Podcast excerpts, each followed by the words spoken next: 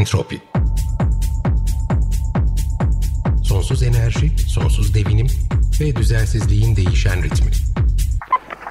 Hazırlayan ve sunan Bikem Ekberzade.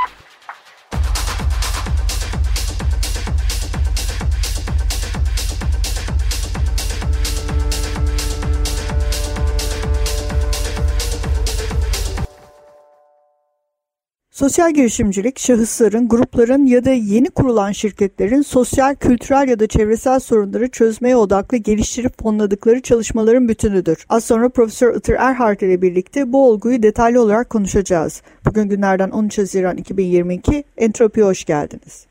Sevgili Hatır Hanım hoş geldiniz. Bugün e, farklı bir entropi bölümünde sizi ağırlıyoruz. Siz e, Bilgi Üniversitesi'nin Topluma Hizmet Sürdürülebilirlik Rektör Danışmanısınız. E, hatalıysam beni lütfen düzeltin ama aynı zamanda bir de sosyal girişimci kimliğiniz var ve adım adım açık açık gibi organizasyonlarında yönetim kurulu üyesi hatta kurucu üyelerindensiniz.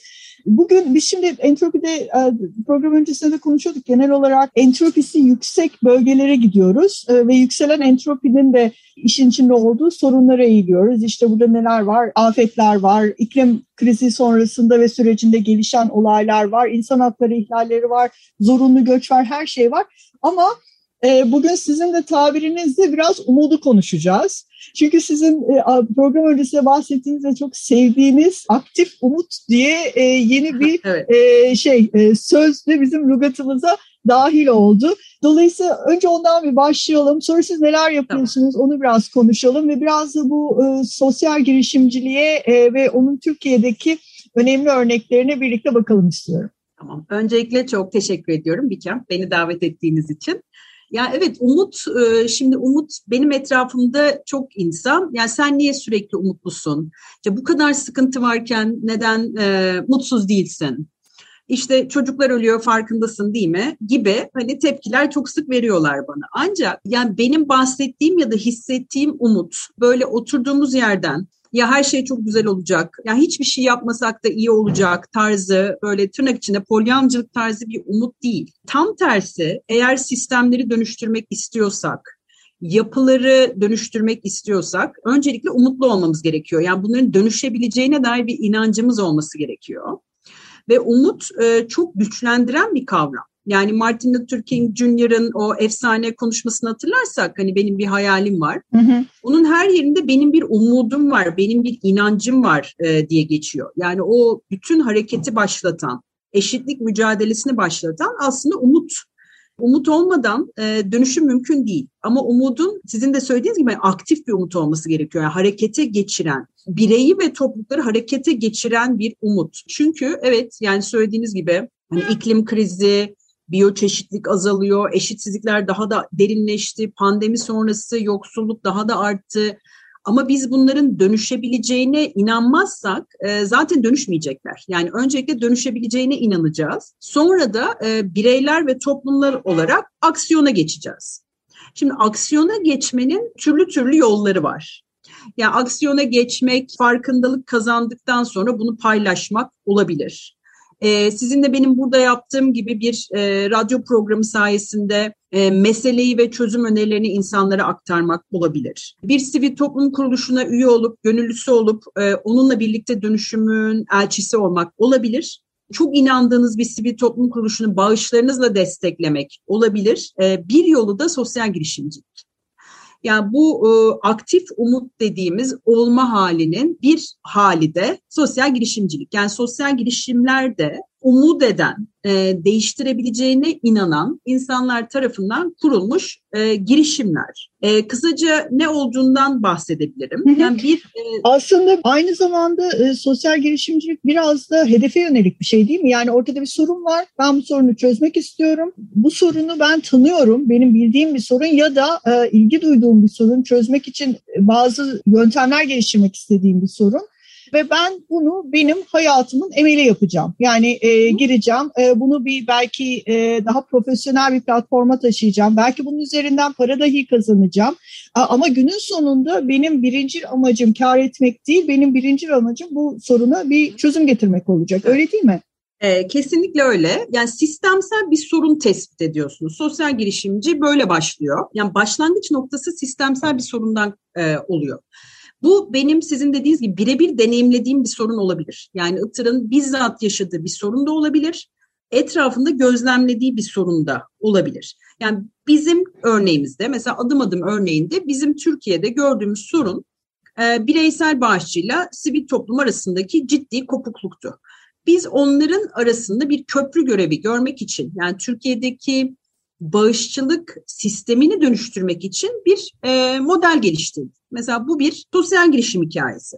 E, yara bandı çözüm olmak değil, e, sorunun kök nedenine inerek çözmek. Mesela gene bizden örnek vereceğim, sonra farklı örnekler de vereceğim. Yani neden birey bağış yapmıyor? Önce bunun kök nedenini araştırdık.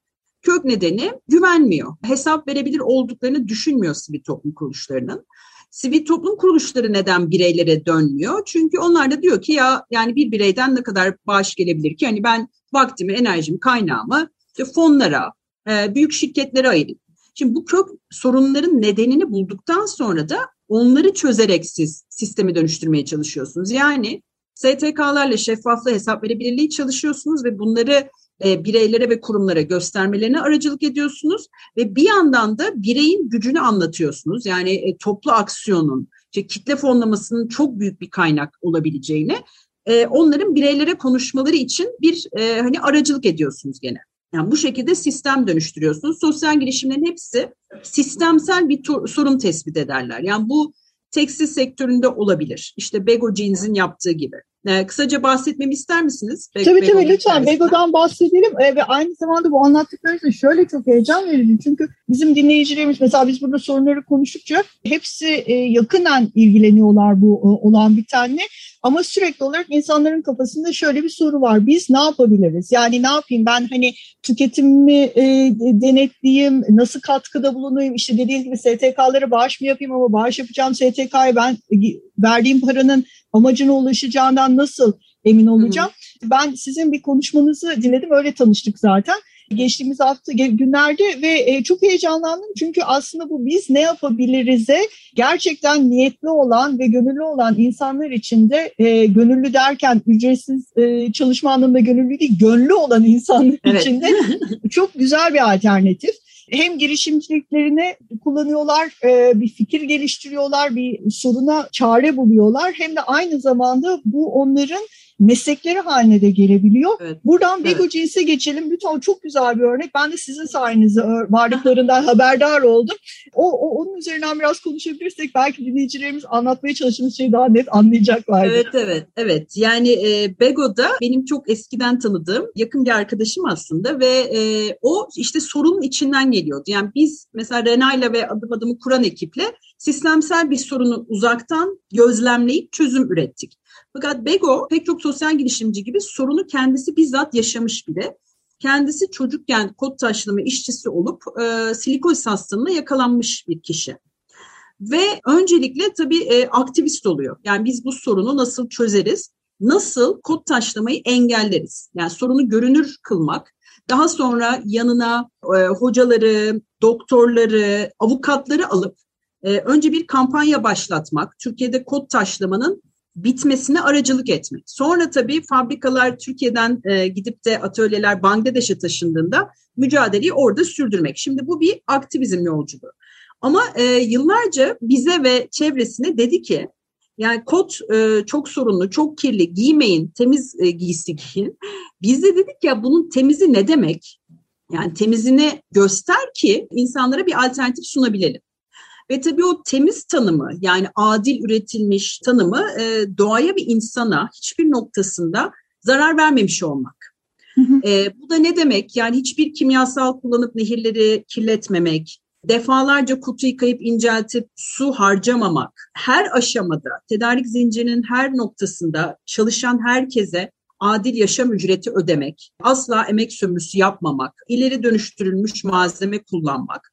E, ve e, Begoson da buna ikna oldu. Yani çünkü e, pek çok aktivist e, girişimci olmak istemez. E, neden derseniz yani girişimciliğin negatif konotasyonlarını düşünürler. Hani sanki hı hı. girişimci e, kar odaklıdır ve e, işte gezegenin e, insanın pahasına bir şeyler yapar. Oysa bir sektörün bir parçasıdır. Evet. E, işte çarkın evet, içerisindedir. Onu onu onu şey yapar, körükler vesaire.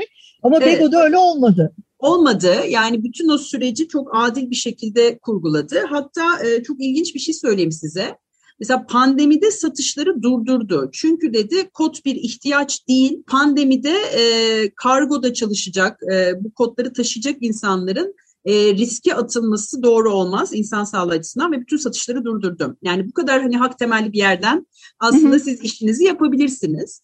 E, ve nihai amaç ne? Yani biz sosyal girişimciler için en büyük şirket olmak, en fazla kutu satmak değil e, sistemi dönüştürmek. Yani bir gün herkesin, e, kod işinde olan herkesin adil iş yapmasını sağlamak e, ya da bizim örneğimizde de bir gün tüm STK'ların şeffaf hesap verebilir olmasına bunun aslında e, bir zorunluluk olmasına, mevzuat dönüşümüne aracılık etmek. Bir yandan da tabii hani sosyal ve ekolojik sorunu çözüyoruz dedik. E, para kazanabilir miyiz diye bize çok soruyorlar.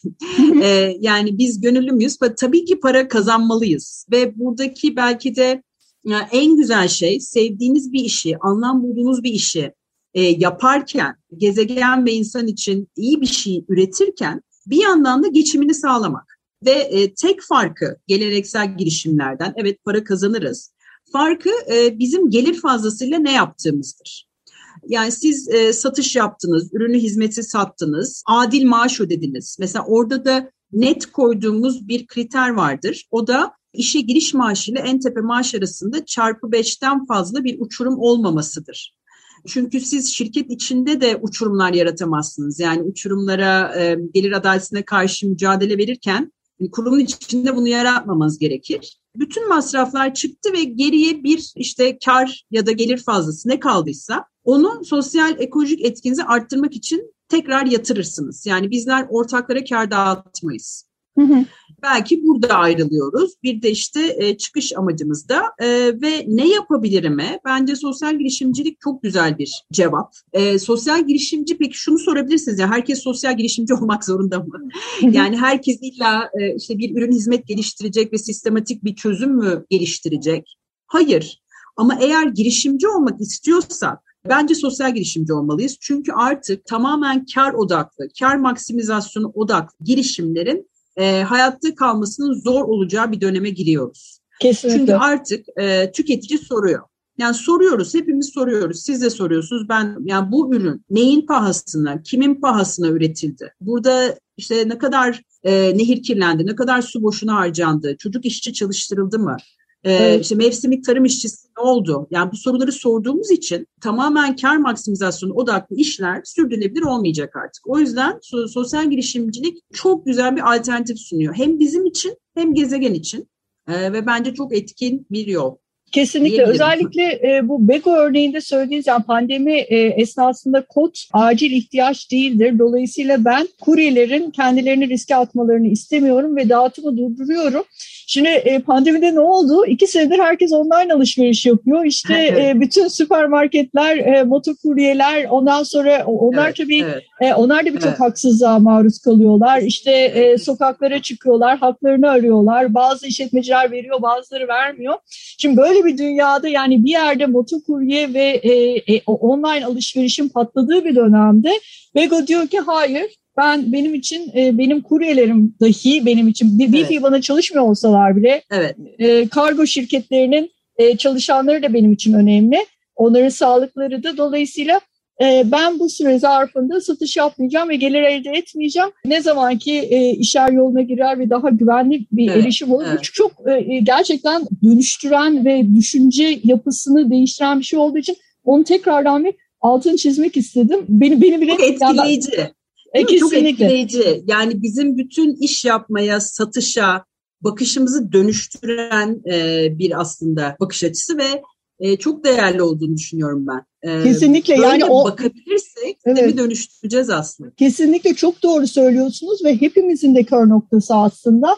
Çünkü online e, satış mağazası olmayan markalar dahi bir kendilerini bir alternatif olarak online satışı gördüler ve ve açıkçası yani tüketici olarak bizim de e, doğruya doğru işimize geldi. E, hiçbir yere tabii, gitmek tabii, zorunda tabii. kalmadan bir iki tıkla alışverişimizi tabii. hallediyoruz. üzerine reklamlar dönüyor ve burada bir üretici diyor ki hayır e, ben bu oyuna gelmeyeceğim.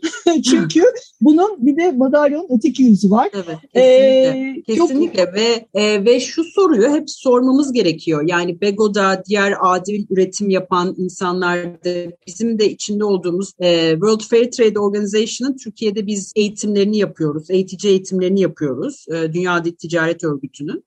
E, ve orada da hani adil ticaretin esaslarından biri bu, bu aslında ihtiyacım var mı diye sordurmak. Yani o tamamen satış amaçlı olmamak, senin ürünü adil üretmen ama bir yandan da yani bu bir ihtiyaç değilse alma diyebilmen bu çok önemli. E, çünkü onu da istemiyoruz. Yani e, ihtiyacımız olmayan çantaları, ayakkabıları, kodları, e, bilgisayarları almamızı da istemiyoruz e, aslında. Çünkü o da hem e, gene gezegenin kaynaklarını kullanıyor hem de çok ciddi atık üretiyor.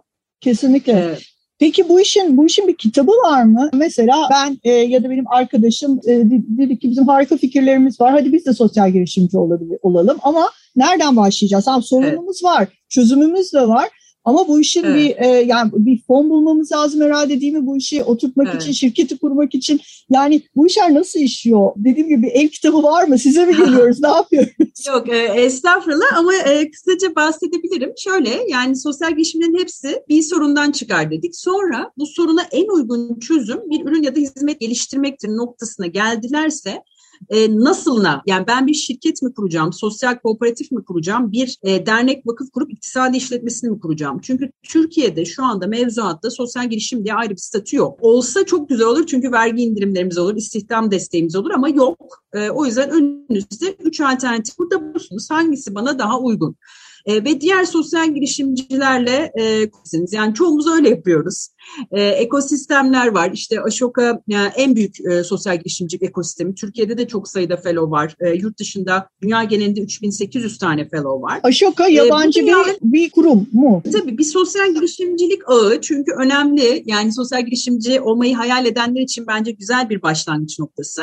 E, Ashoka'nın kurucusu Bill Drayton. Ashoka nereden geliyor? Çok kısa onu da söyleyeyim. Ashoka bir Hint prensi ve onun zamanında böyle sosyal adaletin çok iyi sağlandığına dair hikayeler var. Oradan ilham alıyor ve diyor ki ya dünyada bir tür insan var. Bunlar sistemleri dönüştürebileceğine inanan ve e, şans verildiği an e, dönüştürebilecek insanlar. Biz diyor bunları bulup çıkarırsa e, sistemsel sorunların çözümü çok daha hızlı olur onları bulur desteklersek. Ashoka belli kriterlere göre e, işte yenilikçi fikir, etik doku, e, gibi e, ondan sonra sosyal sorunu nasıl çözüyor, etkisi nedir, ne olacak gibi kriterlere göre dünyanın her yerinde aynı kriterlerle Ashoka Fellow dediğimiz kişileri seçiyor ve onları destekliyor. Nasıl destekliyor? O işi tam zamanlı yapabilmeleri için 3 sene boyunca bir finansal destek veriyor. Ve bu destek kişinin ihtiyaçlarına göre de değişiyor. Yani sizin sistem dönüştürme potansiyeliniz varsa mecburiyetten başka bir işte çalışmanıza gerek kalmayacak kadar size finansal destek veriyor. Ee, onun yanında başka ihtiyaçlarınız oluyor tabii. Pro bono mesela hukuk, e, iletişim desteği gibi e, destekleri de veriyor. E, ve Ashoka gidilecek çok doğru bir network bence. Çünkü hani orada çeşitli yollardan geçmiş, bütün bu süreçleri işte ürünü geliştirirken, hizmetini geliştirirken sıkıntılar yaşamış çok sayıda insan var. Yani benim tavsiyem hani o network'e girmek, o insanlarla tanışmak, e, Ashoka'nın sayfasında harika dokümanlar var. Mesela Hızlan Fark Yarat diye bir doküman var. Ee, nasıl sen başlayabilirsin? Çok sayıda video var. Bir sosyal girişimcilerin yaptığı, yani destekçilerimizin yaptığı. Hani orası çok güzel bir e, bence başlangıç noktası. İbrahim Bodur Sosyal Girişimcilik Ödülleri var. E, onu da ben çok değerli buluyorum. E, onlar da erken aşama projelere de e, ödül veriyorlar. Gene bu bir destek mekanizması diye düşünün. Yani o network de bence çok değerli. E, bu sosyal girişimcinin olduğu networklere girmek, yani büyük bir yatırım ihtiyacı var mı? İnanın çoğumuz büyük sermayelerle başlamadık. Yani siz bir yerinden e, başlıyorsunuz. Belki e, işte pro bono, low bono desteklerle, belki biraz aileden, çevreden destekle. E sonra zaten sürdürülebilir bir model kurduğunuz zaman e, yavaş yavaş gelir de elde etmeye başlıyorsunuz. O noktada da işte bir e, belki yarışmada, bir destek programında destekleniyorsunuz ve e, o başındaki 2-3 yılı biraz daha rahat e, geçiriyorsunuz. E, mesela Bego Jeans özelinde e, biz 10 arkadaş küçük yatırımcı olduk. Yani bu da bence çok güzel bir çözüm. Etrafınızda sizin fikrinize inanan, e, sizin sistem dönüştüreceğinize inanan arkadaşlarınız size küçük destekçi olabilir. Yani daha böyle kitle fonlamasıyla da başında fonlayabilirsiniz. Sonra sistem oturur. Yani çok sayıda sosyal girişimciyle vakit geçirin. Onlarla birlikte olun derim. Onlardan öğrenin. Yani biz birbirimizden sürekli öğreniyoruz açıkçası. Peki Türkiye'de e, sosyal girişimci olmak isteyenlerin kaydolabilecekleri siz hani birbirimizden öğreniyorsunuz e, diyorsunuz ama daha önce hiç e, belki de bu programı e, dinleyerek ilk defa bu konuyla tanışan insanlar için bu sosyal girişimcileri dahi hani nereden bulabilirler e, ya da nasıl bir gruba kaydolabilirler, nasıl izleyebilirler e, o konuda neler önerirsiniz? Tabii. E, ya bu bahsettiğim kurumların e, hesaplarını, YouTube videolarını mutlaka takip etsinler. Yani bir tanesi Ashoka Türkiye, İbrahim Bodur Sosyal Girişimcilik Ödülleri, Türkiye Sosyal Girişimcilik Ağı, çok yine güzel içerikler üretiyorlar. KUSİF, e, KUSİF gene Koç Üniversitesi'nde sosyal etkiyi önceliklemiş bir yapı, e, sosyal etki ölçümlemesini. Yani buraları takip ettiğinizde zaten ekosistemdeki herkese bir yerinden değiyorsunuz, bir yerinden tanışıyorsunuz ve orada sürekli sürekli etkinlikler de oluyor. Etkinliklere geliyorsunuz, konuşmaları izliyorsunuz. Bence başlangıç noktası bu.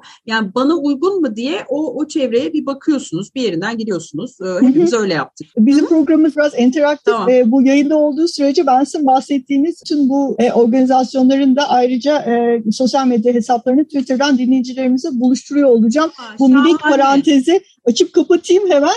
Ki onlar da aynı zamanda e, internetten izliyorlar, takip ediyorlar. Hemen il, ilgilenen kişiler oradan kontak kurabilirler. Şimdi lafınızı bölmüştüm. Unutmadıysanız Yok. oradan devam Yok, edelim. Unutmadım. Ee, yani şu anda inanın daha kolay. Biz 15 yıl önce, 16 oluyor bu sene adım adımı kurmak için yola çıktığımızda yani burada sistemsel bir sorun var, yeni bir ürün geliştirelim, işte bir yapı kuralım. Ee, biz sosyal girişimci olduğumuzun farkında değildik. yani bizi ne zaman Aşoka aday gösterdi, e, işte siz sosyal girişimcisiniz dedi. Aa yok dedik yani biz bir sorun görmüştük, onu çözüyorduk falan dedik. Ee, o yüzden şimdi daha kolay. Yani şimdi e, daha yaygın olarak konuşuluyor oluyor. E, British Council'la beraber e, yayınladığımız bir rapor var. Türkiye'de sosyal girişimciliğin durumu diye. E, ona da bakabilir e, bizi dinleyenler.